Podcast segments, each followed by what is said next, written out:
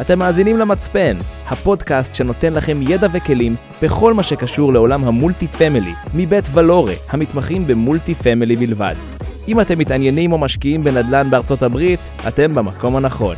ועכשיו, תרשו לי להציג את המארח שלכם, רועי מעודי.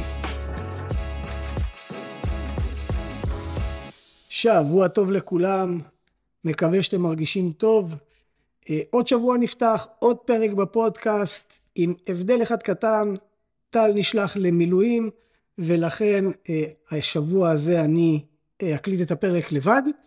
והשבוע שלחנו ניוזלטר למשקיעים שלנו, מייל שמדבר בגדול על המצב. וככל שקראתי את המייל הזה, אמרתי, וואלה, המייל הזה יכול להיות אחלה פרק לפודקאסט, ולכן זה יהיה הפרק של היום.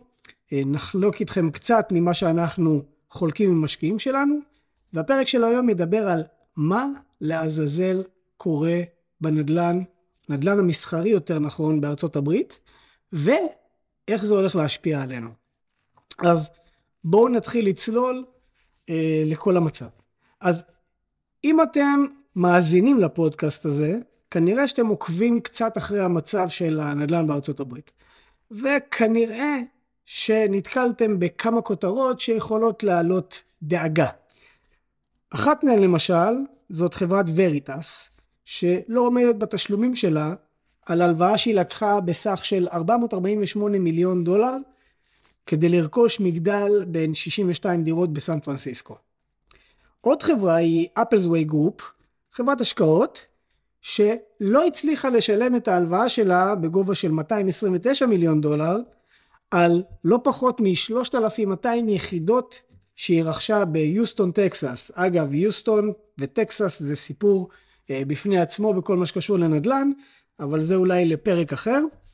עוד חברה שפספסה מספר תשלומים היא חברת פימקו, והיא פספסה את התשלומים האלה על חוב של לא פחות מ-1.7 מיליארד דולר, כדי לרכוש משרדים בסן פרנסיסקו.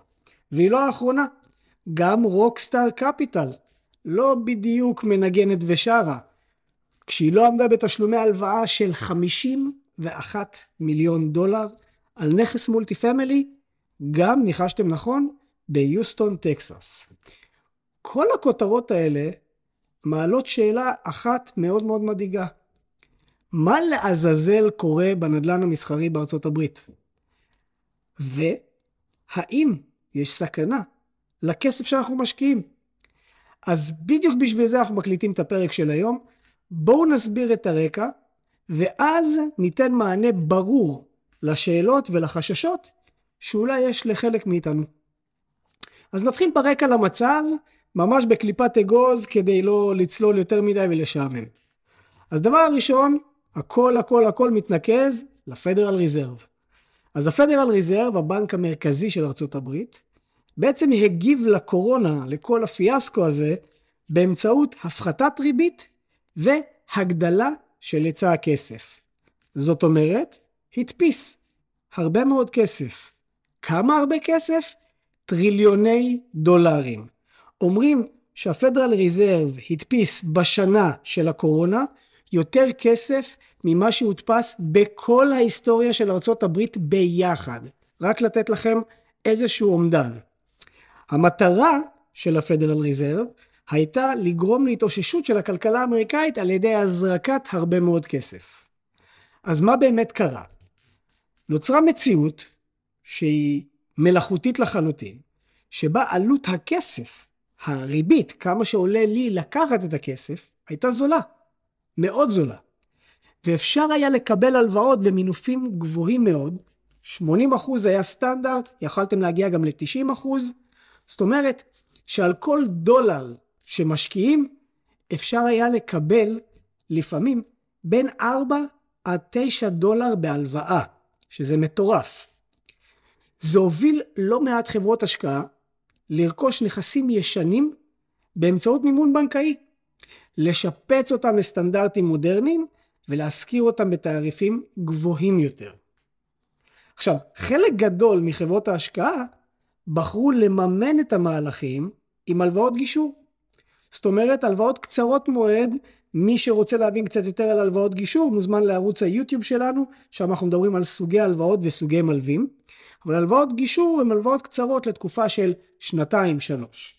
עכשיו, הלוואות גישור במקרה הזה זה עדיף, כי במקרה שמשקיע לא רוצה לקחת הלוואה בריבית קבועה ל-5-10 שנים, כי אז הוא חייב לשלם לבנק את הריבית על ההלוואה על כל התקופה. גם אם הוא לצורך העניין מוכר את הנכס אחרי שלוש שנים, אז הלוואת גישור, שהיא ריבית בלבד, ללא תשלומי קרן, עדיפה הרבה מאוד פעמים. לכן יזם שרוצה לעשות סוג של פליפ ולמכור אחרי שלוש שנים, מה שהרבה מאוד חברות השקעה עשו, כי הם רכבו על הגל הזה של הכסף הזול והעליית ערך המטורפת, יעדיפו הלוואות גישור. אממה, כשהריביות התחילו לעלות, הפדרל ריזרב, אתם זוכרים? הבנק המרכזי של ארצות הברית, הוא רמז שהוא לא יעלה ריבית. והרבה מאוד משקיעים האמינו לו. אבל כשהאינפלציה התחילה להרים את הראש, והגיעה לקצב שנתי של 9%, לפדרל ריזרב לא הייתה ברירה. הוא היה חייב להעלות ריביות למרות שהוא ממש לא רצה. רק בואו נבין שנייה אחת מה זה אומר העלאת ריביות. הריבית של הפדרל ריזרב עלתה מ-0% ל-5.3%. וזה אומר שהריבית על ההלוואות זינקה מאזור ה-3-4 אחוזים לאזור ה-7, 8 ולפעמים גירדה את ה-9 אחוזים. וזה אומר שלא מעט פרויקטים שנקנו עם כסף זול בהלוואות גישור הפכו להיות ללא רווחיים. בואו ניתן דוגמה להמחיש כדי שנבין יותר נכון את כל התיאוריה הזאת. אז בואו נניח שרכשתם נכס מסחרי בשווי של 20 מיליון דולר. ולקחתם הלוואה בשביל לקנות אותו של 75 אחוזים, שהם 15 מיליון דולר, בריבית של 4 אחוז, שזאת הייתה ריבית סבירה לפני העלאות. הריבית שתשלמו מדי שנה על ההלוואה הזאת היא כ-860 אלף דולר, בהנחה שה cap rate הוא 5 אחוז על ההשקעה. אתם מכניסים מהנכס מיליון דולר בשנה net operating income, הכנסה תפעולית נטו. זה אומר שמיליון דולר הכנסה פחות 860 אלף דולר תשלום ריבית, משאיר לכם 140 אלף דולר רווח בשנה. עסקה די טובה. אבל אז הריבית על ההלוואה מזנקת ל-8%. מה זה אומר בפועל? שעכשיו במקום לשלם 860 אלף דולר, אתם צריכים לשלם מיליון 320 אלף דולר. וזה אומר שאתם צריכים להביא מהבית כמעט 20 אלף דולר בחודש. זאת אומרת, מעסקה טובה, הגענו לתזרים שלילי של 320 אלף דולר בשנה. עכשיו, מה אם המצב הזה צפוי להימשך שנתיים-שלוש? יכול להיות, לא בטוח אגב, יכול להיות שלא שווה לכם להחזיק את הנכס ולדמם מזומנים. ולכן אנחנו רואים כותרות של הרבה חברות שפשוט נוטשות את הנכסים ומעבירות את הכאב ראש לבנק, כי הן לא מוכנות לספוג את ההפסדים. אבל פה לא נגמר הסיפור. דיברנו על אינפלציה שמרימה את הראש, אתם זוכרים? אז גם העלויות של דמי הניהול, הביטוח, המיסים, כולם עלו ב-30 עד 50 אחוז. ביטוחים לפעמים בנכסים מסוימים שילשו את העלות שלהם. במקביל לזה, המצב הכלכלי, שהוא קשה, גרם לשוכרים להפסיק לשלם או לפנות את הנכס. אנחנו רואים את זה בכל ארצות הברית. אבל חלקכם יגידו, כן, רועי, אבל אנחנו יודעים שבהלוואות גישור אפשר לקנות ביטוח לריבית, מה שנקרא cap insurance. נכון. יש הרבה מאוד שחקנים שרכשו ביטוח שמגן עליהם מפני השחיקה הזאת. עכשיו, אתם רוצים לדעת כמה זה עלה לפני עליית הריביות? בערך 40 אלף דולר לשנה. כמה עולה עכשיו אם אנחנו רוצים לחדש לא נגיד לעשות מה שנקרא ביטוח חדש. בוא נגיד שהיה לנו, ביטוח הוא לשנתיים, נגמרו השנתיים, אנחנו רוצים לחדש עכשיו את הדבר הזה. 140 אלף דולר לשנה זה קופץ למיליון דולר. ומה אם אנחנו לא רוצים לעשות את זה? אז יכול להיות שהבנק שמלווה מתעקש. ואם אנחנו לא נעשה את זה, הוא ידרוש מאיתנו פשוט לשלם את ההלוואה. עכשיו, כל זה, זה תרחישים שמתקיימים בסדרי גודל גדולים, אבל הם מתרח, מתרחשים ומתקיימים. עכשיו, חשוב מאוד להבין, באופן טבעי, הבנקים הם ממש לא נחמדים ללווים, ללווים שנמצאים בסיכון. על פי התנאים של ההסכם הסטנדרטיים, אם התזרים התפעולי, ה-NOI, Net Operating Income, לא גבוה לפחות ב-20% מתשלומי החוב, או שהיחס בין שווי הנכס לגובה ההלוואה, ה-loan to value, לא אותו דבר, או טוב יותר מהיום שבו אושרה ההלוואה, זה אומר שטכנית, לפי מה שנקרא המילה היבשה של החוזה, ההלוואה נמצאת בדיפולט, והיא חשופה לדרישה של פירעון מיידי על ידי הבנק.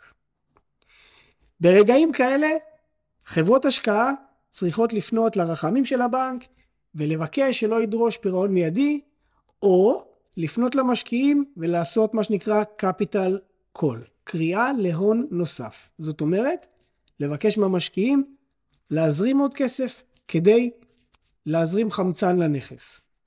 יש עוד אופציות. אחת מהן היא למכור את הנכס, או לנסות לעשות ריפייננס. אבל ברוב המקרים שתי האופציות האלה הן תאורטיות בלבד, כי שיעורי הריבית כפולים לעומת לפני שנתיים. זאת אומרת שאם ההשבחה של הנכס לא יושמה וה-NOI לא עלה משמעותית, החברה הזאת לא תוכל לקבל סכום יותר גבוה ממה שהיא שילמה. וממילא, אם ה-NOI היה גבוה יותר, שהיה מכשיר מכירה או ריפייננס, לבנק כנראה לא הייתה בעיה מלכתחילה עם ההלוואה, יכול להיות שזה היה עוזר תזרימית, אבל כנראה החברה לא הייתה מגיעה או הנכס לא היה מגיע לדיפולט. עכשיו, למה אנחנו אומרים שמכירה היא בעצם אופציה תאורטית? במילים פשוטות, אם מישהו יקנה את הנכס הזה מאותה חברה, עם מימון של 50% ובריבית של 7%, שהיום זה יחסית טוב, באותו המחיר שנקנה לפני שנתיים, בגלל מגבלות המימון של הבנקים, זוכרים? יחס חוב, הון. התשואה שהוא יראה על הנכס, אחרי תשלומי הריבית, תהיה באזור 1.5%. אתם הייתם משקיעים בעסקה שמייצרת לכם אחוז וחצי תשואה? די מביך. עכשיו, גם במקרה שהוא לא משתמש במימון והוא קונה במזומן, התשואה שלו תהיה 4.3 אחוז. עכשיו, אם מישהו רוצה לקבל היום 4.3 אחוז, הוא יכול פשוט לקנות אג"ח של ממשלת הברית, הוא יקבל קצת יותר, בלי התסבוכות, בלי הסיכונים, מה שנקרא כסף בטוח בבנק. כל המציאות הקשה הזאת היא הסיבה שגם אנחנו בוולורם מדברים כבר שנים על תרחיש יום הדין ועל שימור הון. על ערכים של שמרנות ולהיות מוכנים לרע מכל. וכשאני אומר להיות מוכנים לרע מכל, זה לא אומר שהרע מכל יפסח עלינו ואנחנו נמשיך לאכול מהשמנת. גם אנחנו מצטמצמים, אבל אנחנו מוכנים. אנחנו גם, כשיורד גשם, כולם נרטבים. אבל אנחנו שורדים. כשהזמנים היו טובים והריביות היו נמוכות, לא מעט משקיעים, ואני אומר לכם, ראיתי אותם בערימות, היו מצקצקים בלשון ומגלגלים עיניים. היום, כשאנשים מוחקים השקעות ומאבדים הון, שהם עבדו שנים כדי לצבור אותו, והמשקיעים שלנו מקבלים הודעה רק שהשכר דירה שלהם יידחה לשנה הבאה, הם מתחילים להבין שלא סתם דיברנו. אני תמיד אומר, השקעות זה דבר מדהים, בעיניי הוא חובה. אבל יש גם תקופות רעות לצד תקופות טובות. ומשקיעים חכמים מסתכלים בטווח ארוך וצולחים גם את התקופות הרעות ולא ישר יוצאים מהמשחק ומוותרים. הגישה השמרנית, הקפדנית, תשומת הלב לפרטים, הסירוב שלנו להיות רק אופטימיים, ולא פחות חשוב מזה, הנכונות שלנו לחטוף מכה, ואז עוד אגרוף, ועוד סטירה, היא זאת שהובילה ותוביל אותנו להישאר על הרגליים, גם כשאחרים שוכבים מאולפים על הרצפה. אז אחרי כל הדבר הזה, בואו נדבר על החדשות הטובות. אחרי כל סיפורי האימה, בואו נראה שהעתיד דווקא ורוד, אפילו ורוד מאוד. אז בזמן ששווקי המשרדים בארצות הברית נמצאים בבעיה קשה, והם רק בהתחלה שלה, שוק המולטי פמילי נמצא במצב ממש טוב. דיברתי על זה הרבה בעבר, למרות שרוב האנשים נוטים לא להתייחס כי לא היה משבר אז זה פחות נגע, אבל דיברתי על זה שאנחנו בוולורה מאוד אוהבים את שוק המולטי פמילי, כי הוא הוכיח את עצמו בעבר בכל משבר שהוא חסין למשברים. אין דבר כזה בלי סיכון, אני מדגיש, אין דבר כזה בלי סיכון. אבל היחס בין הסיכוי לסיכון בסקטור המולטי פמילי הוא בעינינו מצוין. בממוצע הוא 2.3 אחוז יותר תשואה ביחס לאג"ח ממשלת ארה"ב. וזה עוד לפני שאנחנו מיישמים את הגישה הסופר שמרנית שלנו לשימור הון. אני אגיד משהו עכשיו שכנראה לא יפתיע אתכם. כשיש בלאגן, הרבה אנשים מצליחים לעבוד מהבית. הם לא חייבים משרדים, אבל כולם חייבים מקום לגור בו. יש ביקוש למגורים בכל החלקים השונים בארצות הברית. יש פחות היצע. כי הריביות הגבוהות הופכות את הפיתוח והבנייה ליקרים יותר. וזה עוד לפני האתגר של מחירי חומרי הגלם והקושי למצוא ידיים עובדות, ואנחנו רואים את זה גם אצלנו בנכסים בימים האלה. יש הגירה, נהירה, החוצה ממדינות כמו ניו יורק וקליפורניה, בגלל המיסוי הגבוה ולטעמי השערורייתי שנמצא שם. זאת אומרת, שמי שמשקיע באזור שהוא מתפתח כלכלית, שנטל המס בו לא מעיק, שיש בו גידול באוכלוסייה והיצע מוגבל של דירות להשכרה, ייהנה מעלייה במחירי השכירות ועלייה בתשואות על ההשקעה לטווח הארוך, גם אם כרגע הוא כנראה קצת סובל. הסיבה שאנחנו מקפידים מאוד על היכרות עמוקה עם האזור שאנחנו משקיעים בו, ולא סתם בוחנים עסקאות רק לפי האקסל, נובעת מזה שהקונטקסט של כלכלה מקומית משפיע דרמטית על מגמות ההשבחה של נכסים, ולא פחות חשוב מזה, על ההתנהגות של הנכסים וההתנהגות של הדיירים שנמצאים בנכסים האלה. המצב הכלכלי רחוק מלהיות אידיאלי, אני לא הולך לשים פה מסכות על משהו. האינפלציה עדיין לא נמצאת איפה שהיא צריכה להיות. התאגידים מרוויחים פחות, האבטלה מתחילה לעלות. זאת אומרת שהמיתון שדיברנו עליו עשוי להגיע. אבל כמו שאמרנו, בזמן מיתון אנשים יעדיפו להוציא כסף על שכר דירה של הבית מאשר לשכור משרד.